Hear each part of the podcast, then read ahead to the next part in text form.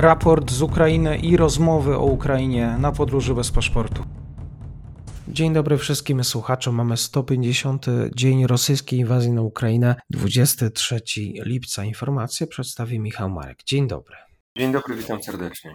Nadal do informacje o niszczeniu przez Rosjan cywilnych obiektów, zarówno znajdujących się w pobliżu strefy walk, jak i zdecydowanie z dala od frontu. Rosjanie stosując systemy artyleryjskie i rakietowe, oprócz zadawania strat siłom zbrojnym Ukrainy, z premedytacją niszczą obiekty ważne dla funkcjonowania cywili oraz domy mieszkańców, szczególnie koncentrując się w ciągu ostatnich 24 godzin na obwodzie charkowskim, mikołajowskim mm, oraz bezpośrednio na mieście Słowiańsk. Jeśli chodzi o sytuację na froncie, na północy nadal trwają walki w obwodzie charkowskim, dokładnie na północ od Charkowa. Brak tutaj jednak doniesień o zasadniczych y, zmianach. W stronę południową, jeżeli pójdziemy na południe, nadal walki na północny zachód od y, Słowiańska, Rosjanie nadal nie są jednak w stanie zbliżyć się do tego miasta. Pomimo starć Rosjanie nie ruszyli praktycznie z miejsca w przeciągu ostatnich dni. Dalej na wschód sytuacja nieco odmienna. Na wschód od Siewierska trwają najintensywniejsze walki. Ukraińcy nadal bronią się na wschód od wspomnianego miasta, lecz wydaje się, że zostali odepchnięci od Bilohorivki, a obwód ługański został już de facto zajęty przez Rosjan. Oczywiście informacje te wymagają jeszcze jednak e, potwierdzenia. Nie zagraża to jednak e, całości sytuacji na odcinku wschodnim, choć wydaje się, że w skali ostatnich dni Rosjanom udało się odepchnąć Ukraińców na około 2-3 km na odcinku siewierskim. E, na południe od Siewierska, to jest na kierunku bachmutowskim, sytuacja bardziej e, stabilna, choć Rosjanom udało się zbliżyć e, do centrum miejscowości Pokrowskie. Rosjanie nadal nie są jednak w stanie zagrozić miastu Bachmut. Dalej na południe, w okolicach miejscowości Łuchańskiej i Kodema, nadal Rosjanom nie udało się tutaj wypchnąć ani otoczyć Ukraińców. Sytuacja bez zmian, pomimo intensywnych walk trwających od kilku tygodni. Dalej na południe, na odcinku donieckim nadal zacięte walki na północ i południe od miasta. Brak jednak wyraźnych sukcesów Rosjan. Dalej na południe, na odcinku e, zaporowskim, sytuacja nie uległa zmianie. Nadal są odcinki, gdzie inicjatywa leży po stronie ukraińskiej, przykład Pawliwka, Nowomajorska, i tam, gdzie inicjatywa leży po stronie rosyjskiej, przykład Makariwka, Zelene Pole. Z kierunku południowego docierają do nas natomiast informacje o sukcesach strony ukraińskiej. Tutaj siły zbrojne Ukrainy mają niemalże otaczać siły rosyjskie, zgodnie z trudnymi do zweryfikowania doniesieniami medialnymi. W otoczeniu, czy też już prawie w otoczeniu ma znajdować się 2000 rosyjskich żołnierzy w okolicy miejscowości Wysokopillia. Miejscowość ta leży na południe od Krzywego Rogu.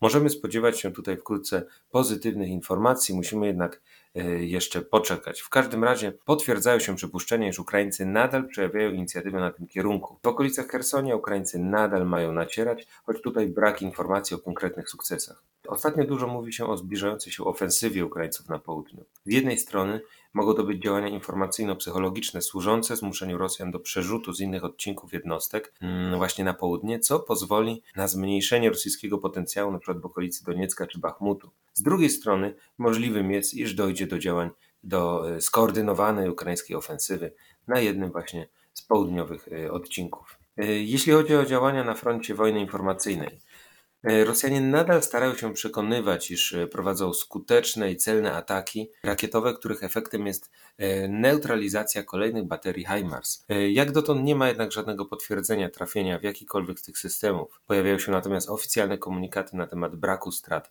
w tych systemach. Strona rosyjska stara się przeciwdziałać informacjom o skutecznych atakach prowadzonych na składy amunicji i obiekty wojskowe, które dokonywane są innymi przy użyciu właśnie wspomnianych systemów. Y, wyraźnie rosyjscy żołnierze i społeczeństwo odczuwają obawy co do używania przez Ukraińców tych y, systemów, które oraz systemów y, podobnych do HIMARS, czy też właśnie HIMARSów, które mogą pozyskać, Ukraińcy w przyszłości. Chodzi już o zestawy większego zasięgu. Kreml reaguje w charakterystyczny dla siebie sposób w celu uspokojenia nastrojów, to znaczy prowadzi kampanię propagandową kreującą obraz, zgodnie z którym zagrożenie celnymi uderzeniami na obiekty wojskowe jest już rzekomo zneutralizowane. Rosjanie nadal, nadal starają się przy tym kreować obraz Polski jako kraju, który lada dzień wprowadzi swoje wojska na Ukrainę. Polska ma e, poprzez ten krok pozyskać pozycje wyjściowe, dogodne do ataku na Białoruś. E, równolegle Polska jest kierowana mm, na kraj pogrążony w chaosie i upadku gospodarczym. Z jednej strony zubożali Polacy mają wyjeżdżać na Białoruś po zaopatrzenie, z drugiej Polska jest już, czy też już wkrótce zostanie odcięta od prądu w efekcie e, rzekomych braków e, węgla. Warto podkreślić, iż wyraźnie osoby kooperujące z Rosjanami i polskojęzyczne ośrodki propagandowe Rosjan oddziałujące na Polaków koncentrują się na wątku energetycznym. Oznacza to, że rosyjskie służby zdecydowały się na koncentrację na działaniach służących stymulowaniu paniki w Polsce w kontekście rzekomych e, braków surowców. Oczywiście kryzys energetyczny dotknie również nas, lecz nie ma powodów do paniki. O wywołanie paniki i destabilizację sytuacji społeczno-politycznej właśnie Rosjanom chodzi. Dostrzegalna jest aktywizacja i konsolidacja środowisk prorosyjskich i tzw. Tak antysystemowych, które wydają się tworzyć jeden front dezinformacyjny, a które mm, w dogodnej sytuacji mogą przybrać formę skonsolidowanego ruchu politycznego. No, środowisko to łączy w sobie osoby trwale zaangażowane w, prom w promowanie tez dezinformacyjnych zgodnych z interesem Kremla, łącząc w sobie środowiska mm, dbające o, kreujące się na dbające o rolników, środowiska walczące z tak zwaną pandemią, m.in. tzw. góralskie weto oraz środowiska radykalne kreujące się na prawdziwych patriotów, zwolenników tzw. Tak rozsądnej, de facto prorosyjskiej polityki.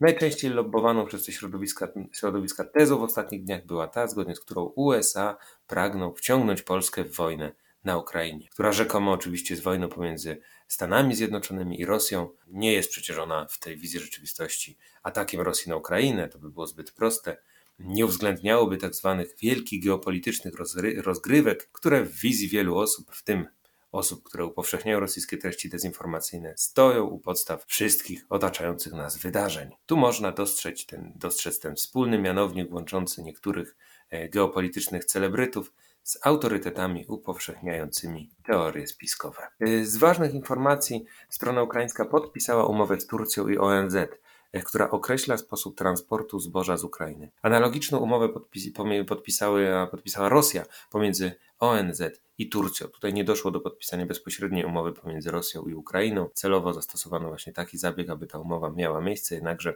aby nie doszło już tutaj, aby Ukraina nie, nie musiała bezpośrednio negocjować z Rosją, co oczywiście byłoby dosyć no, bardzo problematyczne w stanie e, wojny. Przewiduje ta umowa m.in. otwarcie szlaku morskiego z ukraińskich portów e, w obwodzie odeskim.